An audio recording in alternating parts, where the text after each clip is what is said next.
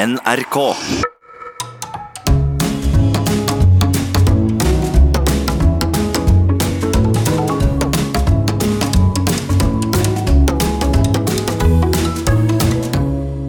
Velkommen til Sånn er du på NRK P2 med Nils Brenna. Hei.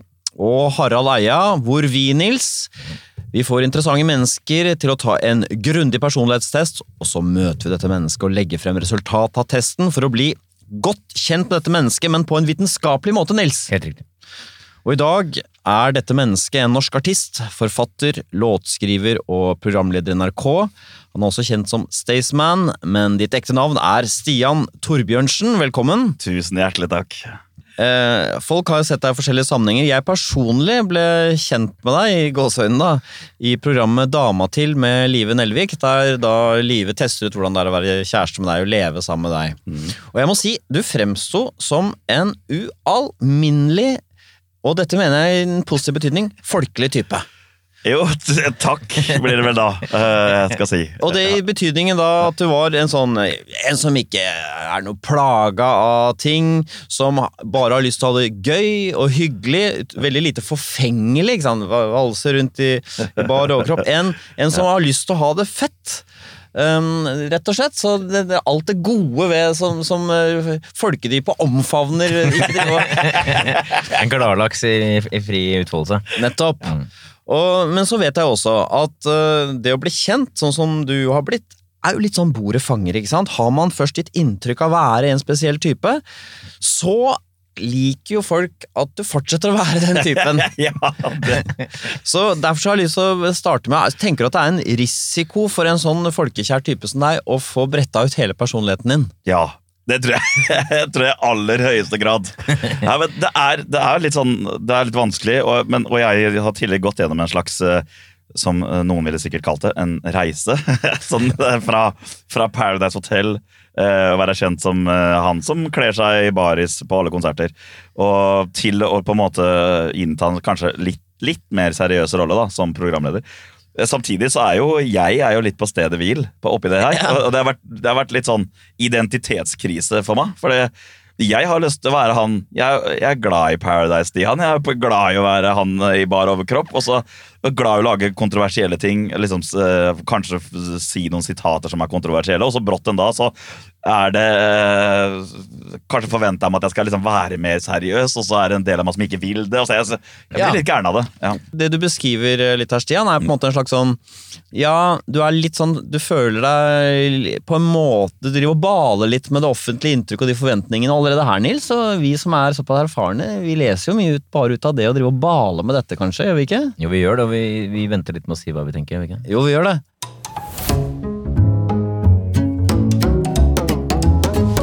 Jeg har lyst til å begynne festen, Nils, med å snakke om dette med ekstroversjon. Tenker du på deg som ekstrovert eller introvert?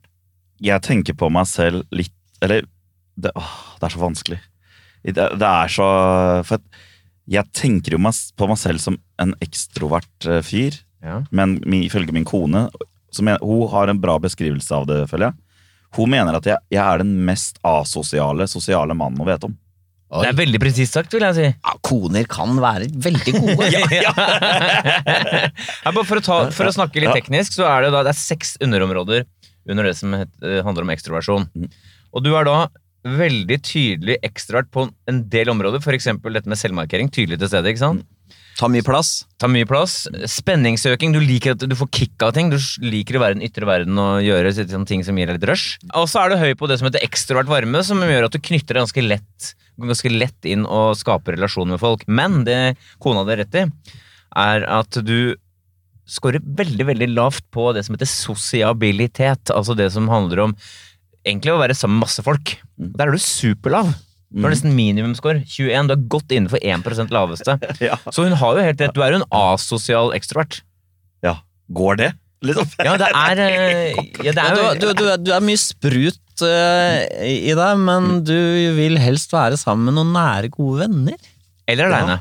Vet du hva, ja, det er fryktelig Jeg fikk nesten jeg fikk, er, det, er det rart å få gåsehud av det? Men, men, Det er flott, flott, det er flott, det. ja, nei, men, nei, det er veldig sant. Det, altså, jeg har noen få nære venner som jeg er utrolig glad i. som jeg har hatt hele livet. liksom, Og de har alltid vært der, selv om jeg har forsvunnet i seks år i militæret, eller om jeg har vært på veien hele tida. Så har de på en måte alltid vært der. Trives veldig godt sammen med dem. Eh, tid med dem er ikke så ofte jeg får tid, men det er noe jeg verdsetter veldig. Eller to uker alene på hytta. Ikke sant? Men det er interessant, for du er jo en sånn energibombe antageligvis eh, når man ser deg. Mhm. Men blir du Og det, det skal man kunne tenke seg at du, det, det koster deg ingenting, men blir du også sliten av alt sammen? Er det sånn? Jeg kan oppleve det sånn innimellom. Ja. At jeg føler øh, kanskje jeg, Altså, altså nei, jeg skal beskrive det. Eh, eh, min venn Petter Pilgaard Ja. føler jeg at han, han er sånn, hvis du skjønner. ja. Ja, men han, er, han er sånn uansett setting. Altså, jeg har sett han i så mange settinger. Han er oppe hele tida. Men det er personlighetstrekket hans. da, ikke sant? Mens jeg føler meg mer som I visse settinger så kan jeg bare dra på. Du, på, du tar liksom jobben, er det Jeg Det kan være kanskje litt sånn at man Ja. liksom går inn i en setting, men det er ikke noe jeg bevisst tenker på. Nei. Det er bare at man, Når man kommer i den settingen, så Ja. er man den personen. Ikke sant? Mens i andre settinger så kan jeg være holde helt uh, kjeft og være Ja.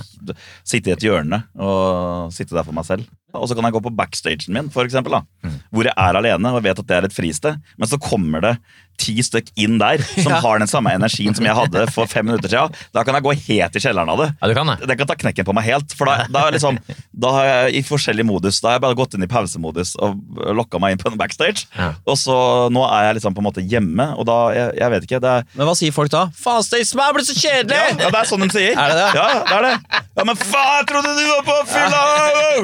Du skuffer meg, ass! ja, men sånn er det ofte. Eh, Jeg skal tenke tilbake til hvordan Jeg husker da jeg var 18 år og begynte i førstegangstjenesten. Så husker jeg at alle trodde jeg kjente alle, så alle var så misunnelige på meg. Eh, Fordi at, å herregud, så heldig, liksom. Kommer inn her, liksom, og vi kjenner jo ingen. Til det gikk opp for dem at jeg heller ikke kjente noen. Da trodde de at jeg var gæren. Ja. Å ja, Stian er gæren, han. Ja. Hvordan var det du opptrådte da som gjorde at de Nei, tenkte nei det? jeg, jeg tror jeg har en måte snu, Sånn tror jeg det har vært hele livet. Å snu ikke sant? Når andre mennesker blir usikre, så kan det bli inneslutta i et klasserom eller en ny setting. Mens jeg har en slags beskyttelsesmekanisme som gjør at jeg går heller all in motsatt vei. Ja. For jeg har funnet ut at det er nesten akkurat det samme. Det er bare at du, du, Så lenge man bare hilser på alle, er veldig ekstrovert, Ja. så, så blir det nesten eh, som å beskytte seg sjøl, på en måte. ja, ok. Men er det sånn at Du snakker om en beskyttelsesmekanisme. Da høres det ut som det er en sånn halvgod løsning på et problem. Ja. sant? Du, du Ja. må beskytte et eller annet sånt. Men er det sånn at du plages av den strategien du har endt opp med, eller er det noe du lever godt med? Ja, Det som er litt av greia, er at jeg kan ikke huske at det ikke har vært sånn. Nei. I hele livet mitt. Siden jeg ble kasta inn i noe greier da jeg var tre-fire år gammel, liksom, så gikk jeg alltid den veien. Ja. Så det, jeg, det er en, et personlighetstrekk jeg har. Ja. Pappa, han er sånn. Men når pappa kommer inn i et, inn et rom, liksom, så er han sånn boom! Han bare snakker med alle, kødder litt. Så, og jeg føler at jeg er sånn Ja. på én side, og så kan det være det stikk motsatte i andre settinger. Ja. Men du har alltid hatt den der asosiale siden også. Eh, ja, ja, men den har, den har blitt sterkere og sterkere. Er det fordi med, man blir kjent? Er det slit mer slitsomt? Er det litt det? kan kanskje være en konsekvens av det. At, men Men Petter Pilgaard har jo ikke det. Han er Nei, også kjent, nei, ikke nei. sant? Men kanskje du hadde anlegg for å gå ned hvis du ble kjent? Og så ble ja, du men jeg har nok alltid vært glad jeg har trivdes i eget selskap. Ja, det det. det. fra jeg var liten, når mamma ga meg husarrest, husker du? Ja, ja. Så må ta det nærmere eksempelet, eksempel, så var ikke det noe straff. Nei. Fordi at uh, jeg visste at jeg kunne gå på rommet, og så kunne jeg sitte og leke med bilene mine helt Ja. alene i syv timer ikke sant, i strekk. Og jeg lagde egne fantasiverdener og sånt for de bilene. Så for meg så har nok det talentet og, og det å være glad og være i eget selskap vært der hele tida. Mm. Så har jeg blitt mer og mer glad i det, kanskje. da. Mm. Da, så du er altså da en uh, interessant uh, versjon av ekstrovert, uh, Stian. Du er um, da stort sett høye scorer, men har da denne pussige, voldsomme lave scoren på sosialitet. Vi skal se på din score på personlighetstrekket nevrotisisme. Det er jo fem store personlighetstrekk, men hver av disse personlighetstrekkene har da seks underdimensjoner. Så vi skal begynne med en av de underdimensjonene som heter engstelse, altså tilbøyeligheten til å oppleve uro. Og det er jo sånn da at hvis du scorer lavt, så er man ganske avslappet. Man dveler ikke med ting som kommer til å gå galt eller har gått galt. Og scorer man høyt da, så er man ofte engstelig. Man kan eh, ofte dvele med ting som har skjedd også, og grue seg. Så hva tenker du om deg selv her? Er du en engstelig type? Jeg tipper, altså Her var det, når jeg skulle svare på det her, det er så mange ting som jeg føler meg Jeg har så mange tvangstanker og dritt. da Eh, samtidig som jeg kan være sten hakkende gæren når det gjelder å ta risiko på andre ting. Mm. Men jeg, jeg er en eh, mm, Ja, det, det, det er vanskelig, for at jeg, jeg føler meg selv som en slags sammensatt type akkurat når det kommer til de tinga der. Jeg kan kommentere det litt, faktisk. Ja. jeg, sånn som jeg leser det nå, så har du høy score på uro og bekymring. Men det du også nevner, er at du har veldig sånn behov for kick, og spenningssøkingsscoren din er veldig høy. Pluss at du har lav betenksomhet. Du er ubetenksom og tenker deg ikke så nøye om. Hvis du har masse vilje til rush og er ubetenksom, så kan du gjøre mye crazy ting. Men du har også uroen med deg oppi alt dette. Og det er den vi skal til nå, og der har du høy score. Ja. Du har for å minne om scoren, 50 er snitt. 60 er høyere enn det høres ut som. Da er du 15 høyeste, og du er litt høyere enn det. Du er 62, så du er tydelig høy, faktisk. Ja. Så, men hva, hvilke tvangstanker er det da? Jeg har sånne tvangstanker som, som blir bare verre og verre med åra. I- i- Før jeg skal legge meg, så må jeg liksom sjekke at alle dører hjemme er låst. Eh, og så, Hvordan foregår det? da, Da, nei, da går jeg rundt da, og sjekker at alle dørene er låst. Og hvis jeg går opp Ja. og legger meg og føler at jeg, jeg sjekka ikke den døra skikkelig, så må jeg gå ned igjen. Og hvis jeg begynner da på én dør, så må jeg sjekke alle andre dørene der, igjen. ja. Ja, og så må jeg sjekke skap. Sånt, og så må jeg, jeg føler at jeg må ha Hva om du kontroll. sjekker med skap? Jeg må sjekke om det er noen inni. Nei, gjør du det? Ja, Hver gang. Og under senga. Småskap? Og du snakker om kortvoksta inni de små, eller er det bare de store Jeg sjekker faktisk de små, men det er bare, bare på grunn av at jeg føler at jeg må. Hva med under senga? Ja, selvfølgelig. Gjør- Ja, det, alt som er, jeg, jeg føler at jeg, eh, Sånn jeg ser for meg oppi hodet, da, som for å liksom eh, ta noe fra militært, da, Ja. at jeg føler at jeg klarerer rommet. Ja, Jeg nettopp. føler at Ja, men? Ja. Når jeg har kontroll på rommet. Og så kan det være sånn at jeg til og med Og det her nå blir jeg jo Kanskje jeg må ha hjelp? Kan være. Men, eh, jeg, må, jeg setter alltid noe foran soveromsdøra. Eh, hvis jeg ikke har lås, da, for da kan jeg låse den. For du låser soveromsdøra hvis du har lås? Ja, Men hvis jeg ikke har det, så setter jeg noe foran. For da eh, hører jeg Jeg våkner lett, Ja. så da hører jeg hvis noen åpner Du er alert, liksom, og da hvis det, så er du Ja. har, du har du noe våpen i Nei, det har jeg ikke. Takk. Nei, det kan jeg ikke ha. Men du har jo barn hjemme. Hva Ja. du å låse soveromsdøra hvis det Nei, det kan jeg jo ikke da. Ikke sant? Det er det som er tingen. Da må jeg sette noe foran i Og da vekker de deg ekstra, for da velter de flasken eller hva er. Men du har jo vært i militær, ikke sant? Det er kanskje ikke alle som vet det, men du har, jo vært- har jo vært yrkesmilitær. Ja. Hvor, si litt kort hva hvor du gjorde. Nei, jeg var, jeg var innom i fem-seks år, og så var jeg jo Hvor da? Uh, i, ja, Først i Nord-Norge, så var jeg 13 måneder i Kosovo. Og så var jeg litt i Norge igjen, og så var jeg nesten et halvår i Afghanistan. Ikke sant? Så, så det er jo da en, Jeg tenker jo at hvis du har så mye Hvis du har mye sånn u, må være utrolig slitsomt å være Ja, men jeg, jeg føler at jeg hadde litt av det uroet før jeg dro dit òg. ja. Men, Men der liksom, er det ikke skumlere der enn her? vet du hva, jeg føler jo at jeg var ikke så redd. Jeg, fordi at man på en måte hadde kontroll over situasjonen. Det var litt sånn sånn Jeg var med et lag, og alle hadde hvert sitt ansvarsområde. Og vi hadde masse våpen på oss. Jeg, jeg følte jo det at vi, vi sto, hvis vi sto overfor en slags fiende, da, eller noe skjedde, Mm. så hadde vi liksom mer kontroll. Ja. Det, min største skrekk i verden er jo ikke kanskje å ha kontroll. Ja, okay. Og når jeg sover, da har jeg ikke kontroll. Nettopp. Og det eh, liker jeg ikke. Sover du dårlig av den grunn? Ja, jeg tror nok ikke jeg sover best i verden, nei. Jeg våkner ganske mye. Uh, og, og så, men så har jeg en tendens til å danne meg skrekkfilmer i hodet. Så jeg lager skrekkfilmscenarioer. Er- Jeg kan ikke huske sist liksom, jeg var alene hjemme, tok av meg en genser uten at tanken slo meg at når jeg tar den av, oh, ja. så står det noen foran meg. Bare på den korte tida så klarer Ja. din fiende å Ja, ja, og at jeg lokker opp eh, speilskapet. Bare sånne klisjéting, da. Ja. Eh, speilskapet på badet, og lokker det igjen, og så det, og står det en bak, liksom.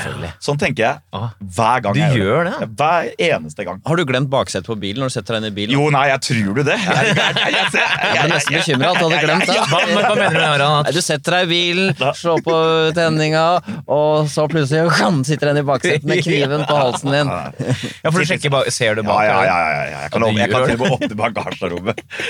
Der, der, der er jeg gæren, rett og slett. Det er, og det er sinnssykt. Hvordan øh, fungerer alkohol? Er det, er det deilig med alkohol fordi det demper Ja. denne uroen? Ja. Ja, uten tvil. Det er eh, Er det skummelt eh, deilig? Eh, kanskje litt. Ja. Men ikke sånn at jeg føler at jeg, har, jeg, jeg skjønner at jeg ikke kan sitte og drikke før jeg skal legge meg hver dag. liksom. Mm. Men jeg merker jo det godt at eh, hvis jeg kommer hjem på hotellrommet og er eh, påseila, så er det lettere for meg å bare gå og legge meg og gi faen i Ja, for du der- sjekker ikke alle skuffer og Nei, nei, nei, nei, nei, Nei, Så da kan, da kan det være Da skjønner jeg det, at det, det er tull, da. Ja. Men Ja, for det er jo det er de to veiene inn til å ha glede av alkohol. Det ene er jo at du får kick av det og blir glad. Det andre er jo å dempe uroene. Ja. Ja, dette var interessant. Det er jo øh, Men du, du tenker at øh, det, er ikke en, det er ikke en skade fra dine år i militæret. Du hadde det allerede før. Ja, jeg tror nok eh, Hvis jeg ser på min mor Som har, hun har jo det samme. Nettopp, ja. Ja, så jeg har vel uh, arva det. Jeg er vel arvelig belasta. Men får man tilbud om hjelp, eller hva skal jeg si, ikke hjelp kanskje, men uh, psykologtjeneste etter til militæret så lenge? Ja, Eller vært ute i feltet? Vi får vel noe. Men- de, de, de steppa opp gamet, vet jeg, for det var så mange tilfeller fra Libanon som, uh, Ja.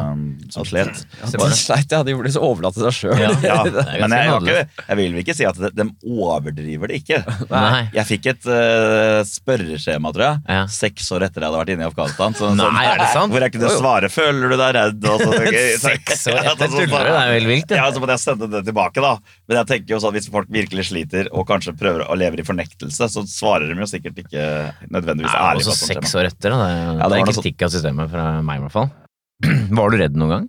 Mm, Ja, redd jeg, Det er veldig rart.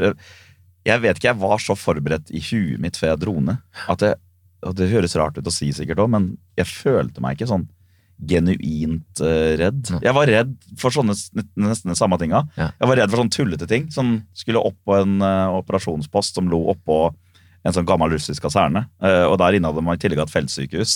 Så det var dritskummelt der. Å Ja. gå gjennom det var nesten Ja. verre enn å være I krigen? i, i, liksom, i krigen. da. Jeg var veldig sliten da jeg kom hjem fra Afghanistan. Mm. Og det tror jeg handler om at man undertrykte Ja. det med galgenhumor. Og. For det, når trusselen er selvmordsbombere og IED, da, Improvised Explosive Devices, som det heter, det, da Du kan ikke forsvare deg. Nei. Men det ligger jo der hele tida. Ja. Så jeg, når jeg kom hjem, så var jeg helt utslitt. Ja, det var det. Ja, ja. Men jeg følte meg ikke redd. Nei. hvis- Men du må, det var jo en belastning som du ikke var så tenkte så mye om, men som bare skjønte etterpå. Som var der hele tida, ikke sant? men som du Mm. ikke kunne Du får ikke gjort noe med det. Du er jo der. Du må jo gjennomføre oppdraget. på en måte En annen eh, underdimensjon under nevrotisisme er det som heter impulsivitet. Og det høres jo i Nils ikke ut som noe nevrotisk trekk, men det er det altså. Ja. I vårt system. Det handler om i hvilken grad personen gir etter for sine drifter og begjær.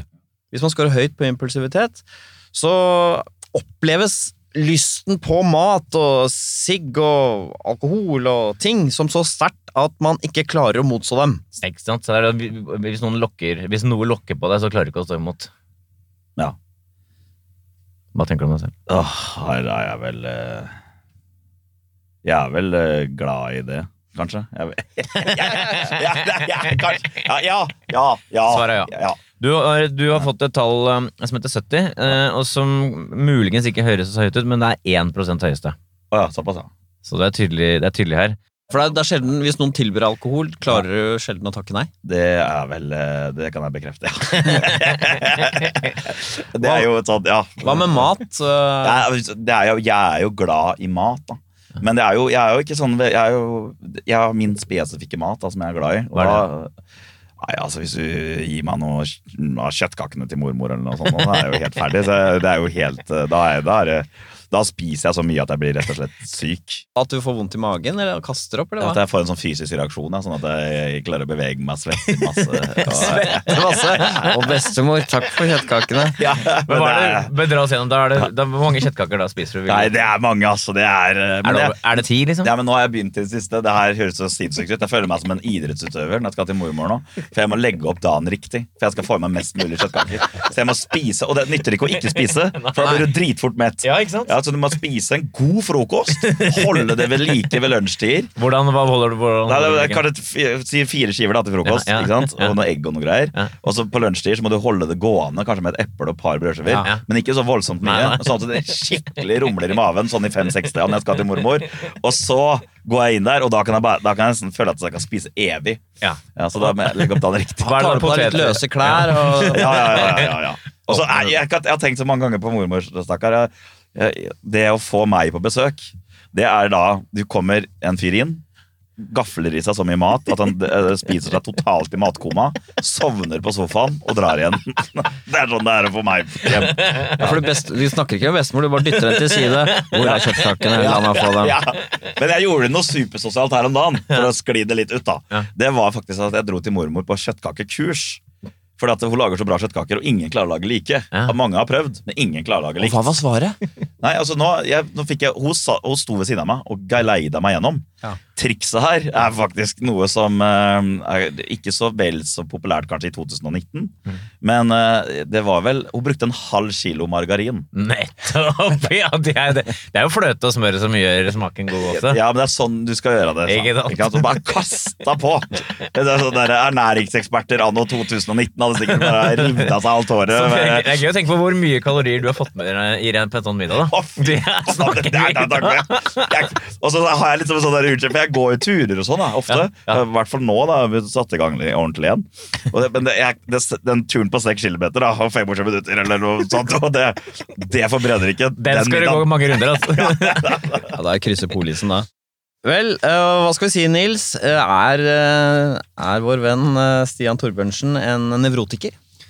Han har en ganske høy score på nevrotisme. Ikke kjempehøy. altså Du har tallet 60, det vil si sånn 15% høyeste, sånn cirka. Du er da høy på engstelse og bekymring, som vi snakka om, og, eh, og impulsivitet. Altså det, det må stappe i seg ting og sånn. Og så har du ganske høy skår på depresjon også, ikke den kliniske betydningen, men at du har en slags sånn nedstemthet, at du kanskje er litt i kjelleren. Ja, ja, ja, ja, det kan være det innimellom. Jeg kan, få, jeg kan få brått kan jeg få en følelse av tomhet. Ikke sant? Ja. Nettopp, ja. men eh, Hva er det, hvis du skulle prøve å beskrive det? det kan være at uh, jeg er så glad i å gi meg selv nye utfordringer. Og, og for eksempel øh, øh, vi, hadde Oslo Spektrum-konsert 23. mars. Jeg hadde brukt et år og jobba med den konserten. Åtte timer om dagen. Konserten kom. Dagen etterpå kan man gå langt, langt ned. Fordi du har tomheten over at den utfordringa er over.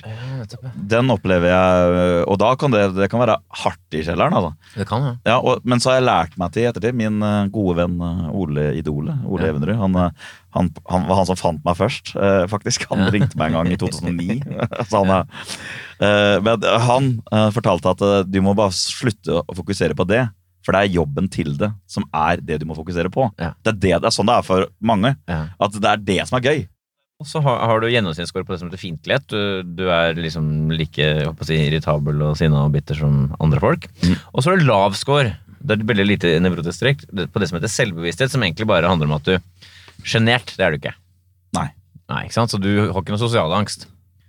Nei, altså ikke annet enn at det, sånn som vi snakka om i stad. Mm. At liksom, Hvis jeg har uh, brukt meg opp, på en måte Du er lei, men du er ikke redd for å gå inn i det sosiale. Nei. Nei. Vel, du er jo en, eh, en eh, folkelig type, Stian, men du er jo tross alt en kunstner, da. Må ikke glemme det, midt oppi alt. Og vi skal se på om du er eh, har, Vi skal se på om du har en typisk kunstnerpersonlighet. Vi skal se på din score på personlighetstrekket åpenhet for erfaringer. Åpenhet, det handler altså da om nysgjerrighet på nye erfaringer, nysgjerrighet på ny kunnskap, og ikke minst den underdimensjonen vi skal begynne med, fantasi. Det handler om kreativitet og forestillingsevne. Og det er jo noen mennesker, ikke sant? de er jo konkrete og rasjonelle, de, de faller av hvis du snakker om ting som ikke fins, for å si Ja, det rett ut. ja. Andre mennesker, de som scorer høyt, de kan forestille seg mange ting. De liker å ligge i denne, disse ideene om hva som kan skje, men som aldri kommer til å skje. Så hva tenker du om deg selv her, Stian? Er du en fantasifull type, eller en veldig sånn jordnær konkret? Jeg vil si at jeg er en fantasifull type. Det kan du trygt si. Du er tallet 72, som betyr at du er 1% mest fantasifull. Ja. Få høre litt om det. En ting da, Jeg har fantasert oppi hodet mitt så ekstremt mange scenarioer før jeg ender opp i dem. Eh, Et eksempel. Jeg var i Lindmo-intervju to år før jeg egentlig var der.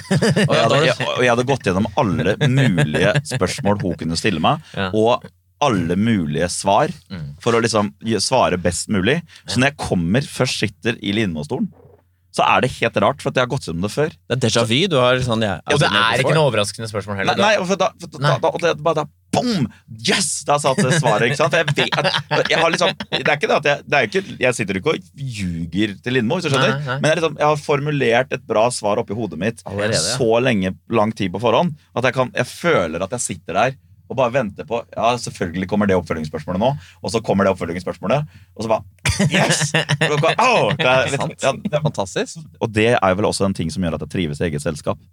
Fordi at jeg kan Nettopp. fint gå tur helt alene i tre timer og bare bli intervjua av Skavlan. Liksom, og så kan, jeg, så kan jeg gi svar. Eh, Er det sånn som, uh, Da har du sett filmen The Joker, hvor han ser for seg å være på sånn talkshow, og publikum ler, og han blir elsket, og han Ja, det er liksom- litt sånn. Det er litt sånn, ja.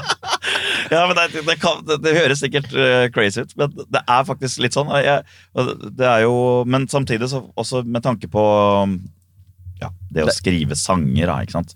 Eh, sånne ting. Det å liksom En slags forestillingsevne om hvordan ting skal bli. Så, ja. så det er en stor kilde til, altså en ressurskilde du har som du føler du bare kan ta av, egentlig? Det er litt sånn, føles litt sånn uendelig, eller? Litt sånn, ja. Jeg har bare forestilt meg, la oss si du er i militæret, det er ganske sånn konkrete det er arbeidsoppgaver, og folk, ja, folk er liksom, det er håndfaste ting som betyr noe. Er det sånn at du noen gang har fått høre at du er rar fordi du har, har liksom ville tanker, eller? Men jeg kom inn i militæret, så hadde jeg forestilt meg så lang tid på forhånd hvordan militæret skulle være. Og det var sånn 20 pushups, ikke sant? Det var sånn, og sånn var det jo. Så jeg elska jo første delen av førstegangstjenesten som alle andre hata. For jeg syns det var så gøy. Torbjørnsen! Gi meg 20! Ja, selvfølgelig! Ikke sant? Og så, Faen, så stygg du er, Torbjørnsen! Ja, ja, ja. Og, at det, Du har sett amerikanske filmer, du. Ja, det er der du hadde det ja, og, og så hadde jeg liksom bare, men jeg hadde skapt det bildet, da, at sånn skulle det være. Igjen, da, så, ja, Så du dyrka egentlig det? Du hadde allerede gått opp løypa, liksom? ja det, og det likte jeg jo, på en måte. Hva med så litt sånn eh, ville sånn, eh, scenario for hvordan ting kommer til å bli i fremtiden med sånn teknologiske løsninger og Ja. kunne fryse hjernen ned og tine opp? Er det sånn Ja, jeg elsker jo da, og eh, jeg blir jo veldig trigga av det. i hvert fall. Men ikke sant, det handler jo litt mer om ting som jeg også leser. da, for Jeg har jo en viss interesse for sånne ting. Sånn som øh, I mitt hode så er jo det som gir mest mening, da, ikke sant, en framtidig trussel, er jo eh, altså alt som har med teknologi å gjøre. Det er ikke islam, det er roboter. Altså for meg så var Terminator 2 da, et sinnssykt ja. et, Det er et scenario da, i den filmen som gjør jo at eh, datamaskiner blir bevisst og, for sin egen eksistens. Mm. Og i det øyeblikket så går alt til helvete. Ja. Og det var jo et scenario som jeg syns var høyst troverdig i, i, i 94 når den filmen kom. Og nå på- enda mer troverdig. Ja. Du lurer på Hvorfor var det ikke noen politiske partier som tar opp dette her? Jeg vil gi dem stemmen min med en gang. Ja. Ja, ja, ja. Vi må begrense robottrusselen. Ja, men Er du redd for AI-tingene? Er litt redd for AI, Ja. Kunstig intelligens, altså. ja, men tenk deg Ja. liksom hvis dem uh, Tenk deg hvis de hadde bestemt seg for å fucke opp livet til mennesker Ja. i dag. Så Ja. hadde det hadde ikke tatt lang tid før alt hadde gått i granskauen. Har du lekt med sånne tanker, eller? Ja, det leker, det leker jeg med hele tida, det. Så er det en, eh, den måte urkunstnerdimensjonen, da, kan vi si det, Nils, under åpenhet for erfaringer, er um, åpenhet for estetikk. Altså hvor mottagelig man er for kunst og naturopplevelser, rett og slett. Og vi har slått sammen kunst og natur er. Begge deler handler om en sånn hvor, hvor påvirket, hvor sensibel man er når man ser noe vakker natur eller noe vakker kunst. Jeg føler at jeg blir påvirka av det. Ja, Du har fått et ganske høyt tall. Du er 62. altså mm, Nærmer seg 10 høyeste, rett og slett. Så Ja. en ting, Musikk er det ikke så rart at du har et sterkt forhold til, selvfølgelig. Nei. Men andre typ, altså hva med sånn kunst ellers, liksom? Har du noe forhold til det? Nei, altså, jeg, jeg er jo eh, ikke sant? I utgangspunktet skulle man Så, så tenker jeg liksom høykultur, da. Ikke sant? Mm. Det er liksom det er, det er ikke meg. Ikke sant? Det er det motsatte. Men jeg setter jo veldig stor pris på det. da. Jeg, Ja, det. jeg elsker jo for eksempel hvis jeg er i Paris, og så må jeg innom Louvre liksom, for å liksom, se på kunstverket. Og Ja, liker jeg, jeg liker det veldig godt. Ja, det gjør det. Veldig godt. Så Men ta oss gjennom, La oss si du er der. På, på hvilken måte liksom tar du inn eller opplever du sånne kunstting? som noe som er større enn meg selv. Ja. Ja. Så du kan, kan liksom Nå er det liksom banale spørsmål, men når Ja. du står og ser på et bilde, for eksempel, da, da skjer det et eller annet Ja. da, Du tar inn et eller annet der. Ja, veldig. Det er, og det, det er litt sånn ja, det, det handler jo også litt med hvem som altså, står bak kunstverka øh, også. Da? Så det blir det, liksom Når du er øh, Michelangelo i den gjengen, da, Ja. som øh, det mest øh, kanskje mm, populære, hvis man kan si det på den måten. Mm. Så, så, men det er, jo, det er jo superstjerner i evig tid. Ja. Og det er vel litt sånn kanskje også inspirerende. Ja. Det var jo litt sånn, Jeg skrev en uh, bok, uh, og som du nevnte her, at jeg er forfatter, liksom. Men jeg er jo ikke en forfatter, men jeg gjorde det egentlig for å gjøre meg selv enda mer udødelig. Ja, nettopp, ja. For at det, det skal jo litt til for at noen tar ut en bok av bokhylla og kaster den. ja. Den blir jo stående der en stund. og, da, og, og det samme tenker jeg med de store kunstnerne. Tenk deg litt som Leonardo da Vinci og den gjengen der, liksom. Som har, de, de er udødeliggjort i altså, Så lenge jorda varer, så Ja. vil den være der. Ja. Og jeg, jeg føler jo litt sånn når jeg ser dem kunstverka, at jeg kan leve meg litt inn i det. Og, Ja. Det er en sånn storhet i det, liksom. Ja, no, ja, det er akkurat det. Det er noe utrolig fint med det. Er du sånn som hører på klassisk musikk og sånn? Ja, jeg er glad i det. Men det eh, da, nå jeg, i den Secret Garden-perioden min har jeg vart i 20 år, tror jeg. Eh, helt siden den var med i Melodi Grand Prix. Ja. Uh, Så de har laga mange andre ting som er bra. det som er med godeste Rolf Løvland, Ja. er at han, han la- Det jeg elsker, er at jeg kan Og det her vil jo han sikkert eh, kanskje ikke like, men jeg, jeg kan sammenligne musikken vår på et sånt veldig sånn fucka grunnlag. da At Ja. eh, han er Det er så vakre melodier, og så gjør han ikke sånn eh, radbrekkende valg. Mm. Han lar Han bygger hele låta basert på en fin melodi. Mm. Ikke sant? Og det er ikke noe sånn, Hvis du sitter på toget og hører på det, så er det litt sånn strømlinjeforma fint. Det er aldri noen sånne kontroversielle ting som skjer som gjør at jeg våkner. Det er så bare så utrolig behagelig å høre på. Det er ikke, Jeg sier ikke at Staysman Last er utrolig behagelig å høre på, men det man kan sammenligne av det, at jeg finner en melodi som jeg baserer hele låta på. Ja. Og jeg gjør ikke sånn veldig sånne krumspring i det. Nei, Vi nei. holder det til det. Ja. Så det, det er vel det jeg føler jeg blir inspirert av da Ja. med, når det kommer til eh, Rolf Løvland. Og jeg kan finne en melodilinje han har laga, som han baserer det på. Og så skrur du det og gjør noen uh, en litt små endringer. Skrur opp uh, noe voldsomt i tempo og legger på en sånn dunkebass. Og, og så er vi der! Så er det en bra partylåt òg. Ja, ja, da, men da er det, og det er lov, det kan man gjøre. Det, kan bare, det er ikke plagiat, det er bare Nei, nei, så du må gjøre nok, da, men jeg kan finne i hvert fall nok inspirasjon. Så at, ok, Den kordrekka han bruker der, kan jeg bruke, så kan jeg legge en annen melodilinje oppå. Ja.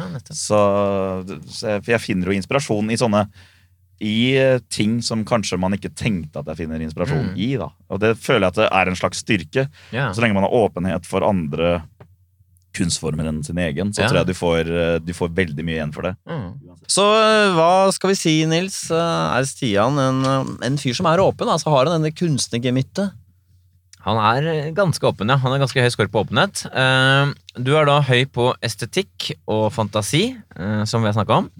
Så er du på snitt eh, når det gjelder åpenhet og følelser. Du er liksom vanlig emosjonell, ikke spesielt mye, ikke spesielt lite. Mm. Og så er du også eh, på snitt på det som handler om intellektuell nysgjerrighet. Der er du verken eh, lav eller høy. Så da er du liksom en vanlig mann. Ja. Og så har du la, en lav score, og det er på det som heter åpenhet for handlinger. Det betyr at du høyst sannsynlig er et rutinemenneske. Ja. Du har, har, du, du har, du har noen rutiner, eller? ja, jeg har jo mine Du rutiner. elsker ikke variasjon nødvendigvis. Nei, ikke nødvendigvis, nei. Vel, vi eh, Altså, så langt så har vi jo møtt et menneske, Nils, som er eh, ekstrovert på en litt interessant måte. Asosial ekstrovert. En ganske nevrotisk type og en svært åpen en. Mm. Men så blir spørsmålet er du et menneske-menneske. Er du en eh, som scorer høyt eller lavt, eh, Stian, på faktoren medmenneskelighet?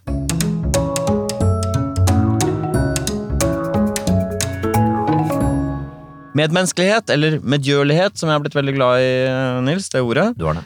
Det handler om man møter andre mennesker med åpne armer eller piggene ute.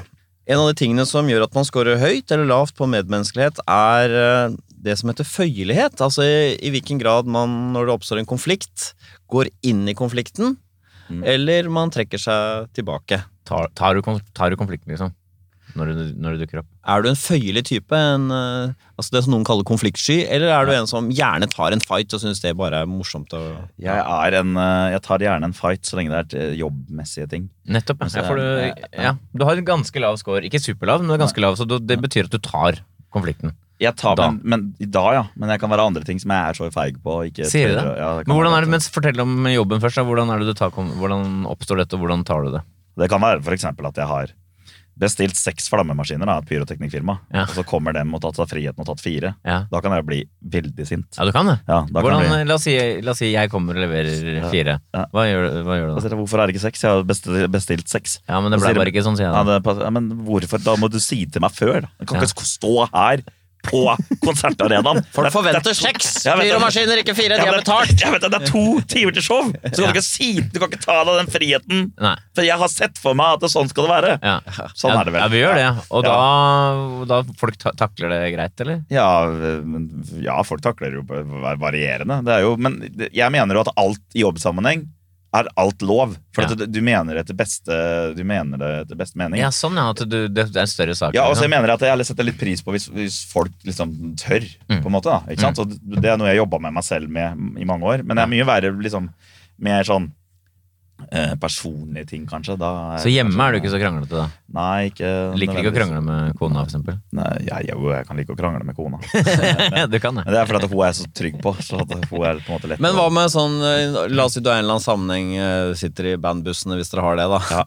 Og så oppstår det en eller annen diskusjon om klima, for eksempel. Så Ja. jeg vet ikke hvor du står i denne debatten, men la oss si noen er knallharde på en eller annen side, da. ja, tenker du sånn ah, det orker jeg ikke, eller synes du jeg går inn i den fighten? Jeg kan gå inn i det i bandbussen, men det, det, jeg er også litt sånn øh, Men da søker jeg kanskje mer konflikt. For jeg syns jo det er litt morsomt noen ganger å Ja. ta motstanderens i, Uansett, da. Hvis jeg sitter i et rom, og alle ja, hater Trump, for å ta et eksempel da, som er Ja. dagsaktuelt, da, Ja. så kan jeg begynne å ta kun pro-Trump-argumenter Ja. for å være idiot. ikke sant? Ja. Eller for å, for å skape Ja, ja, ja, ja. for det, det er min måte å teste folk på, da om de har faktisk satt seg inn i en sak eller Mm. ikke. Og Jeg kan gjøre det stikk motsatt. Jeg kan sitte i et rom hvor det er bare pro-Trump, og så kan jeg bare begynne å argumentere Ja. mot. Og det, dette er jo typisk lav score på følelighet, Nils. ja, jeg er jo litt Ja. sånn sjøl. Jeg syns det er gøy. Ja, En sentral underdimensjon innenfor medmenneskelighet er jo dette med empati. I hvilken grad man føler det andre føler, rett og slett. Skårer man lavt, så gjør det ikke så sterkt inntrykk hvordan andre har det. det. Man gir ikke etter for mas, som man sier. Nei. Skårer man høyt, så blir man veldig berørt. Eh, Da blir man da til og med litt sånn overveldet av andres eh, lidelse, for eksempel. Hvordan tenker du at du er her, Stian? det er midt på tre. Nei, Du har faktisk ganske høy score her, oh, ja. som skulle tilsi da at du har betydelig mengde med okay, medfølelse og liksom følsomhet på, på, på, på, på andre. ja, det, det, det, det kommer litt an, an på, på en måte. Hvis noen forteller deg at de har hatt det vanskelig, så berøres du Jeg berøres av det. Eh, Det vil jeg si at jeg gjør. Mm. Jeg bare prøver å analysere mitt eget, eh, min egen oppførsel. Ja. Jeg kan bli kompis med noen som har hatt det kjipt, som begynner å snakke til meg på toget. ja, Og du blir dratt liksom inn i den lidelsen, så å si. Ja, men jeg, jeg, jeg får lyst til at han skal ha det bedre. For eksempel, ikke sant? Ja, ikke sant. vedkommende skal ha det bedre. Jeg, Ja. jeg, kan, jeg kan prøve i hvert fall å sørge for at dagen til den personen blir bedre på et vis. Ja. Jeg blir nok ikke dratt inn i det, Nei. nødvendigvis. Jeg kan Nei. også tenke sånn at eh, noen ganger at det her har du, har du, du har ødelagt litt for deg sjøl i livet. Mm. måte. Eh, og, men samtidig jeg, kan jeg få en sånn indre trang til å liksom det, For det koster meg så lite å gjøre dagen til vedkommende bedre. Ja, ikke sant? Jeg Så, så jeg kan få den følelsen, men uh, kanskje ikke sånn overveldende empati. Men noe som gjør at det, det er kanskje lettere for meg å forholde meg til mennesker som ikke har hatt det så bra opp igjennom. Mm. Fordi man klarer liksom å kanskje legge den delen til side, men å være en kompis Mm. At det er mitt empatiske trekk. da. Mer enn at jeg liksom Ja. og, og gråter med en. Ja, jeg skjønner. eh, Ja. med vedkommende. At Mm. jeg sitter der og, Uh, og, la meg og klarer liksom ikke å snakke om det. og sånne ting. Jeg Mm. føler at jeg i hvert fall klarer å snakke om uh, kjipe ting og uten å bli påvirka for mye. Ja, fordi, men det, det er jo noe av Ja. poenget her er vel at du, blir, du får litt lyst til å hjelpe han fyren. Er det ikke litt sånn? Jo, det, er- det er eller, det. eller bidra med noe. Ja, bidra med et eller annet. Da, Ja, ikke sant? Sånn at man i hvert fall sørger for at folk får det litt bedre. Hvor mye berøres du av mm, sånn internasjonale forhold? Altså folk i andre land som har det vanskelig, å se TV-bilder av uh, fortvilte mennesker. Det syns jeg Jeg syns jeg, jeg kan ofte la meg det, Jeg blir mer sånn irritert på Jeg kan bli irritert på et verdenssamfunn. Altså, altså verden sånn generelt. da. Mm. Jeg kan bli dypt berørt av eh, Hvis jeg så konflikten i Jeg var jo i Rwanda, så jeg så på dokumentarer om Rwanda. Når jeg var der.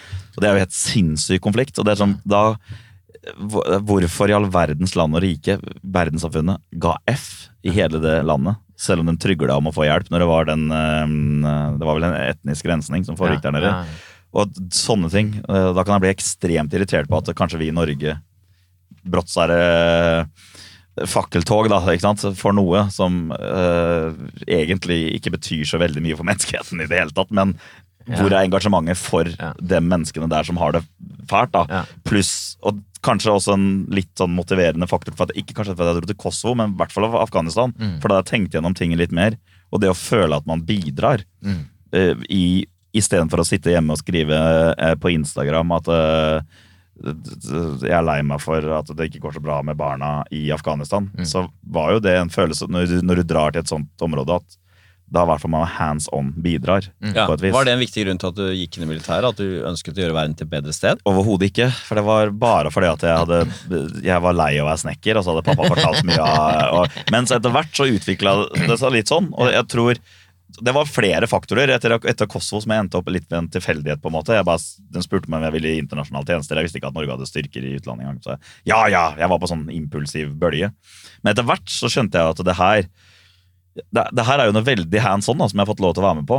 Ja. Og når eh, den konflikten, når de to flya fløy inn i skyskrapere, og den konflikten som etterfulgte, det å få være en del av det i tillegg, da, men det baserer seg vel litt på eventyrlyst, men Mm. Det, og, men det å kunne liksom føle at man er der og bidrar der, og samtidig når man kommer ned til Afghanistan som soldat, så opplever man jo at 99% afghanere er superglad for at du er der Mm. og hjelper dem. Ja. Um, så empati i det store bildet, kanskje. Mm. Ja. Men jeg føler at det, jeg, ja, Men jeg er ikke sånn som lar meg berøre sånn Går helt i Nei. kjelleren. Ja, så hva skal vi si er eh, Stian en, en, som møter folk med piggene ute, eller med åpne armer?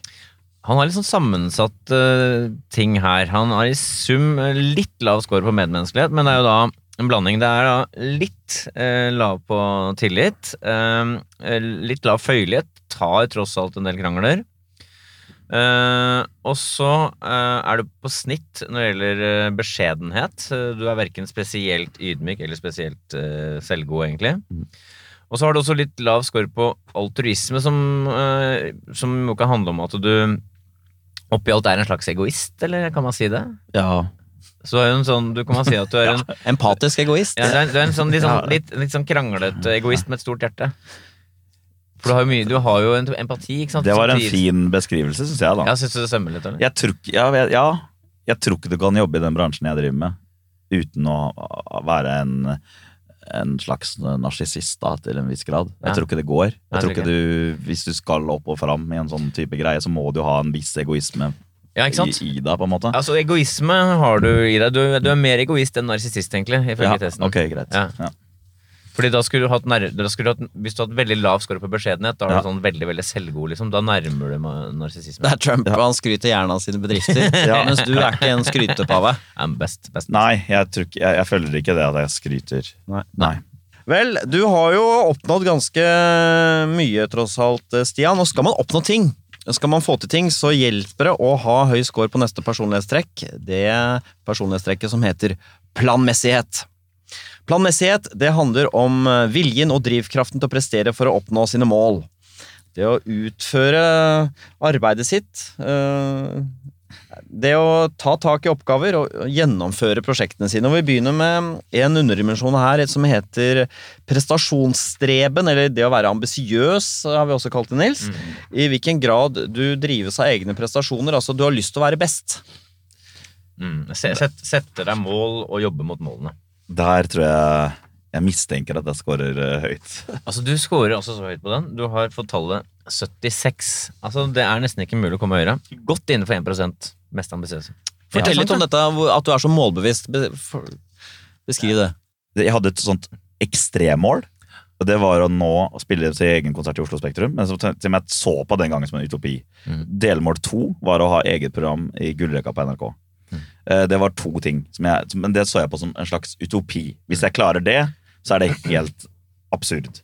Jeg satt og så på det, og jeg, sa, åh, jeg hadde en drøm om det. da, ikke sant? Mm. Men så når vi bestemte oss for å satse, og etter, det, etter vi faktisk liksom fikk eh, litt sånn following ja, Det var i forbindelse med Paradise Hotel da, Mm. av Når var det i Paradise? 2012. Ja. Var du med der som en del av den strategien for å slå inn Nei, som artist? Nei, det var det som var tingen. Da var jeg faktisk så på randen av å gi opp. For jeg var eh, I 2011 så hadde vi holdt på så lenge, og jeg var så blakk og hadde så mye inkassogjeld. Og jeg begynte å nærme meg 30, og ting begynte å liksom Press fra omgivelsene. ikke sant? Altså Når skal du slutte å tro at du skal bli rockestjerne? ikke sant? Det er jo en helt sånn tullete tanke. Så jeg tenkte at det siste eventyret jeg gjorde, var Paradise Hotel. For da måtte jeg jo gi meg, starte voksenverden. Jeg tenkte at jeg ryker jo første uka, for også at det kom sånne Facebook-grupper 'Få tjukke-Stian ut av hotellet' og sånn. for jeg- Det lo jeg så av, da. ikke sant? Jeg skvetta av det. Og så snudde det helt motsatt, og så gikk det veldig veldig bra. Og så kom jeg hjem derfra med 100 000. eh, Begynte å få følgere og sånn på sosiale medier. Og så skjønte jeg at, det, at her har jeg jo faktisk endelig det verktøyet jeg har trengt. Ikke at jeg har en nasjonal interesse. Jeg nå har jeg jo alle muligheter i verden for å kunne skape noe ut av det vi har drevet med i fem år. Og da begynte jo den tanken på å sette seg høye mål, hvor, hvor man skal hen. Og da husker jeg at det var en periode der hvor jeg fikk tilbud om Rett etter Paradise Hotel da, så er man jo egentlig ganske sårbar, eller ikke sårbar, men man er et enkelt slags offer i anførselstegn for å bli med på alt som er. ikke sant? Og jeg husker at jeg, Da husker jeg at jeg hadde allerede Man blir invitert på veldig mange ting, er det det? ja, og TV-programmer og alt sånt noe. Så Da hadde jeg sånn tydelig taktikk nesten med en gang i hodet. Altså, nå må jeg fokusere på å dra på turné. Jeg dro på turné med DJ Broiler, altså, men jeg dro i hvert fall på turné, og ikke den der gratis Ja, uh, drikkegreiene. Men hva var tankegangen bak det valget, egentlig? For da var det musikalsk. Ja. Jeg holdt meg til det musikalske, og jeg takka nei til uhøvelig mange TV-program. Fordi at jeg måtte vente på det rette, tenkte jeg da. Ja, og, og da etter et år så fikk jeg uh, spørsmål om jeg var med i Robinson. Og da tenkte jeg ok, det er etablert. Det er et kult program. Det kan liksom ikke få de flopp-overskriftene, sånn at Ja. jeg blir en av deltakerne i et program som floppa. da, ikke sant? Det For nå begynner karriereplanleggingen her. ja, og, og da, samtidig som uh, jeg gjorde det, så hadde jeg satt jeg meg hele tida større mål. Jeg prøvde å liksom, Nå skal vi ha vår første konsert i Oslo med Staysman Lass. ikke sant? Prøvde å sette opp det. Kom 70 mennesker, 40 av dem var på gjesteliste. Gikk ikke så bra. Men jeg prøvde i hvert fall, da. Ikke sant? Og så bygge det videre. Men da hadde vi jo fått på plakaten at Staysman spiller i Oslo. Det ser jo bedre ut utad. ja. Og så, etter Robinson, så var det jo um, øh, Melodi Grand Prix som kom. Ja. Og det var jo en, eh, en kjempemulighet da, for, for vår del. Ja. Og da visste vi at det var jo et kjempesteg i riktig retning. Ja. Og da hadde vi allerede begynt å spille sånn Vi har alltid spilt 100 konserter i året, men da hadde vi begynt liksom å komme oss litt opp da, på den turnévirksomheten. Det kom litt mer folk på ting. Melodi Grand Prix kom. Fikk en slags gjennombrudd der med en godt stekt pizza. Eh, som ble sånn det, det var jo på forsida VG eller Dagbladet nesten hver dag de to ukene før finalen kom. Vi, vi traff jo så ekstremt. Vi skulle terningkast én liksom, i alle aviser, og sånn, og vi, vi traff jo på hele taktikken vi prøvde på. Altså, Ja. Lage en kontroversiell video, så du får masse styr. Lage en sang som er ekstremuttrykket av alt det andre vi har laga, sånn at vi hele tida i hvert fall Vi blir lagt merke til, da. Altså, det gikk jo bra, fikk masse nasjonal oppmerksomhet, og den låta ble jo den mest streama det året. Hvilket år er vi da igjen? 2015. Jeg tenkte at det er litt gøy for P2-lytterne å høre hvordan en godt stekt pizza er en del av nøye gjennomtenkt Ja, ja. strategi for å komme seg til topps. ikke, kanskje ikke så nøye, men det var bare fordi at vi, vi i hvert fall måtte fortsette å på en måte ha det uttrykket vi hadde. Vi kunne ikke feige ut i en sånn setting når vi endelig fikk nasjonal oppmerksomhet. Det ser jo mange gjør. De lager en type Ja. musikk, og så skal de være med der, og så skal de brått skru om på hele imaget, for nå skal vi vise en annen side av oss sjøl. Det skjønte jo at vi ikke måtte. Men det som er interessant her, sånn sett er jo du, du har jo veldig sånn bevissthet på ting som skal skje fremover. Og så legger du planer, og du, du tenker egentlig ganske strategisk og jobber ganske hardt mot det. Er det litt sånn det foregår? Det vil jeg si, ja. Men det er en slags sånn drive du har, må ha i kroppen, da? Har du ikke det? Et eller annet, et eller annet sånn driv Ja, ja, jeg merkelig Og så ble det skal vi, da, eller skal vi danse, da, ikke sant? som jeg kom til finalen. Og det var jo sånn mot alle odds. Men jeg inni meg tenkte at finale var innafor. Ja. Fordi jeg leide meg bare en leilighet ved siden av dansesenteret og trente mest av alle. Gjorde det? Ja, ja. Nettopp. Det er sånne ting. Og det alle trodde jo, og i tillegg da, så visste jeg at jeg hadde fordelen av å bli undervurdert. Ja. Ikke sant? Alle tenker at jeg kommer til å dykke opp der i fylla, ikke sant? For det var det, det var det alle kjente meg som den gangen. Ja.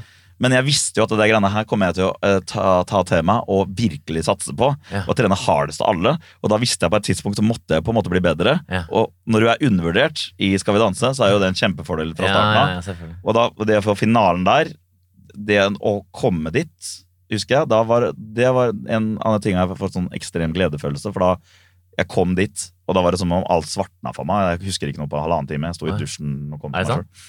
Det var, et, et, det var liksom Da fikk jeg sånn endelig bekreftelse, tror jeg, på at hvis Ja. du jobber hardt nok, så kan du få til nesten hva i granskauen du Ja, vil. så det det, er sånn superklisjé, men det var Ja, sånn men det Da var da. gikk det opp for meg, da. Ja. Var det, var det, hvem var det som var i finalen? Med, altså- Jeg var med Adelén.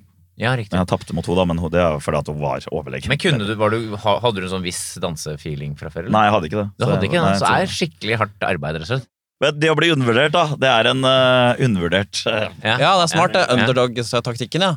Hva ser du for deg om liksom fem-ti år? Har du sånn, går du og tenker på det er. Ja, det har jeg tenkt hele tida. Ja, det det. problemet er at det, det er derfor jeg har følt en sånn tomhet i år. Det var liksom eh, Spektrum og den der eh, gullrekka da, på NRK. Og når det, når det gikk, Ja. så var det sånn Nå vet jeg ikke. Nei. Og, og da, da var nyttårsforsettet mitt egentlig at jeg skulle være fornøyd. Ja. Stian, kan du ikke roe ned hodet ditt nå? Du ja, kan, være- du kan antakeligvis ikke det med, med denne driven du har. Du Jeg må, har ikke den, må, den, må, få- den må mates, den òg. Ja, du er fanget, Stian. Du er fanget i dine egne ambisjoner. Ja, Tomheten lurer hele tiden rundt neste hjørne. jeg vet det. Oh. Men fordelen nå, kontra i 2011 det, jeg tror Grunnen til at jeg gikk i en slags depresjon den gangen da, og, ble, og slet skikkelig med meg sjøl, det var jo fordi at jeg ikke jeg hadde driven. Men jeg hadde ingen som kunne hjelpe meg å få den driven eh, Nei, nettopp. altså, få den driven til å koble den på et eller annet. Ja, for koble den på noe. Det, Ja. det Fordelen nå er at man har masse hjerne i ilden, og folk er med. Mm. Altså, hvis jeg sier til managementet mitt vi gjør et Spektrum neste år, så sier folk De er litt skeptiske, for de vet hvor mye penger det koster. Men ja, ok. Ja. Og da får jeg jo kjempeutløp for den driven. Ikke sant? Og da det har vært en fordel de siste åra, at man i hvert fall kan gjennomføre de tinga man Ja.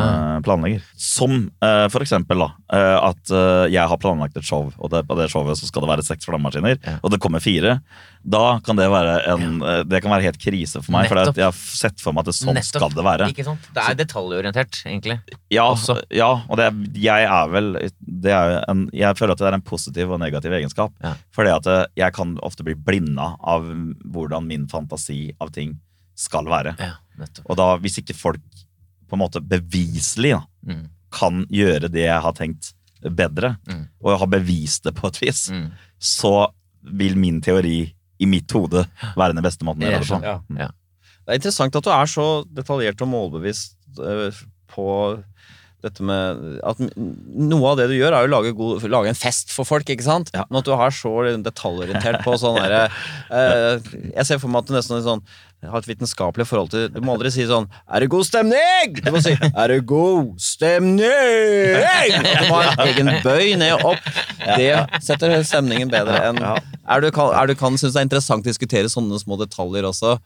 Nå karikerte jeg dere litt. Ja, jeg forstår- god forstår- stemning. Ja. Nei, nei, men det er jo Jeg syns det. Og jeg kan, Ja. også, det er jo det som er gøy med å dra på andre konserter. da Du kan jo finne masse innspo. Og så bare så, Å, fy faen, den fiffige løsninga der, den funka. Ja. Og det kan faktisk være Ja. så enkelt som Ja, det. At det kan eh, At det er et eh, måten han sier ting i, et slags toneleie, frontfigur i et annet Ja, land. Så kan jeg på en måte plukke opp det. da Nettopp. Og, og, og det er vel det jeg syns er interessant med å dra på konserter. Mm. Jeg har jo plukka opp fagmannen som eh, Masse av f.eks. Metallica, Ja. eh, Ja. som jeg har sett på James Hetfield, som er en av favorittfrontfigurene mine. Eh, når han er full, da, riktignok. Ja. Nå har han jo hentet på sjøen igjen. Men han plukker opp veldig mye av. Hva da, for eksempel? Hva kan det være? Nei, Han har et, sånn, eh, et parti før Sad But True, en låt de har, eh, hvor han sier eh, Do you want heavy? Sant? Alle skriker Yay! Do you want heavy? Yay! Metallica gives you heavy, baby! Så begynner han, ikke sant? Så jeg, da, da blir det veldig lett å, Ja. å overføre til mitt verden. ikke Ja. Vil dere ha rølp? ikke sant? Ja. Vil dere ha rølp? ja. Staysman og Lass gir dere rølp, baby! Helt likt. Den funker som en kule! Det drar opp stemninga. Ja, så gøy, ja. Jeg ser for meg du på en liten notatbok på tallet. Alle bare er med, du. Akkurat det han sier. eh, Vil dere ha det, baby? Det skal jeg bruke i Halden neste gang jeg spiller der. Yes. Ja, det er gøy. Så var meget ambisiøs, eh, Nils eh, Stian, men er han eh, planmessig sånn generelt? Helt på snitt når det gjelder planmessighetsfaktoren. Um, lav, litt lav pliktfølelse. Det vil si at du gjør ikke ting bare for å få beskjed om det. Du må liksom være enig i det sjøl. Ja. og så har du touch av lav på orden. Uh, ubetenksom, uh, som vi har snakka om. Du, du kan handle litt fort. Ja. Så er det på snitt på selvdisiplin. Du er jo gjennomsnittlig god til å få, holde fokus og få ting gjort. Så det er jo mer eller mindre. Og så er du jo ekstremt høy på denne med ambisjoner. Da. Ja. Så den, den, den retningskraften er jo helt Jeg- avslutter uh, min bok med følgende setning. Jeg, er, jeg kan bare smile. Jeg vet ikke om jeg, klarer- jeg kan bare smile. For ingen vet det bedre enn meg at eh, ambisjonene overgikk talentet. Nettopp. Du har, du har selv Du har skrevet dette, du, dette har også skjedd. Ja, Du, igjen, har du, igjen har du ligget i forkant. nei, men, eh, og det, det følte jeg oppsummerte det ganske ja, bra. det for jeg, høres jo veldig jeg har aldri vært den flinkeste til å synge, aldri vært den flinkeste i teater. Ikke sant? Jeg har aldri vært den flinkeste egentlig på noen ting. Jeg har aldri vært den flinkeste, jeg var aldri den flinkeste soldaten. Ja. Ikke sant? Jeg var aldri det. Men jeg, ambisjonene mine da, har vært så insane, og jeg har jobba så hardt for å nå dem, Så at det på en måte har gått allikevel. Kan ikke du si setningen en gang til? Uh, ja. Men jeg jeg kan bare smile, for ingen vet det bedre enn meg. Ambisjonene mine overgikk talentet. Nettopp. Det var flott. Så janteloven har ikke plaga deg? Nei. Vi har kommet til veis ende. Vi må oppsummere Stian her. Hva slags menneske han er. Sette sammen bitene vi har plukket fra hverandre, Nils. Her kommer fasiten om Stian Torbjørnsen.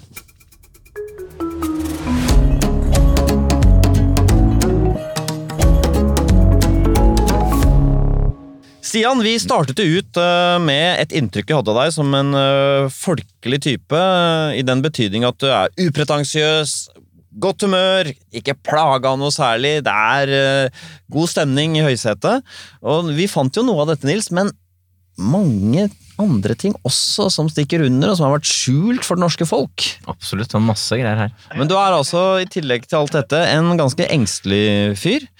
Som er øh, asosial, og så har du dette utrolig indre, rike livet ditt, da, hvor hodet ditt jobber i alle mulige retninger, og så ikke minst, i motsetning til at du er en sånn der happy-go-lucky-fyr, meget målbevisst ambisiøs, og blir ganske sint hvis det er fire istedenfor seks øh, flammekastere. Så det er en strenghet og en metodikk bak alt dette rølpet, da. Mm. Til og med rølpet er en innøvd øh, setning som er uh, tatt fra andre. Ja, ikke sant? Inspirert fra verdensstjerner.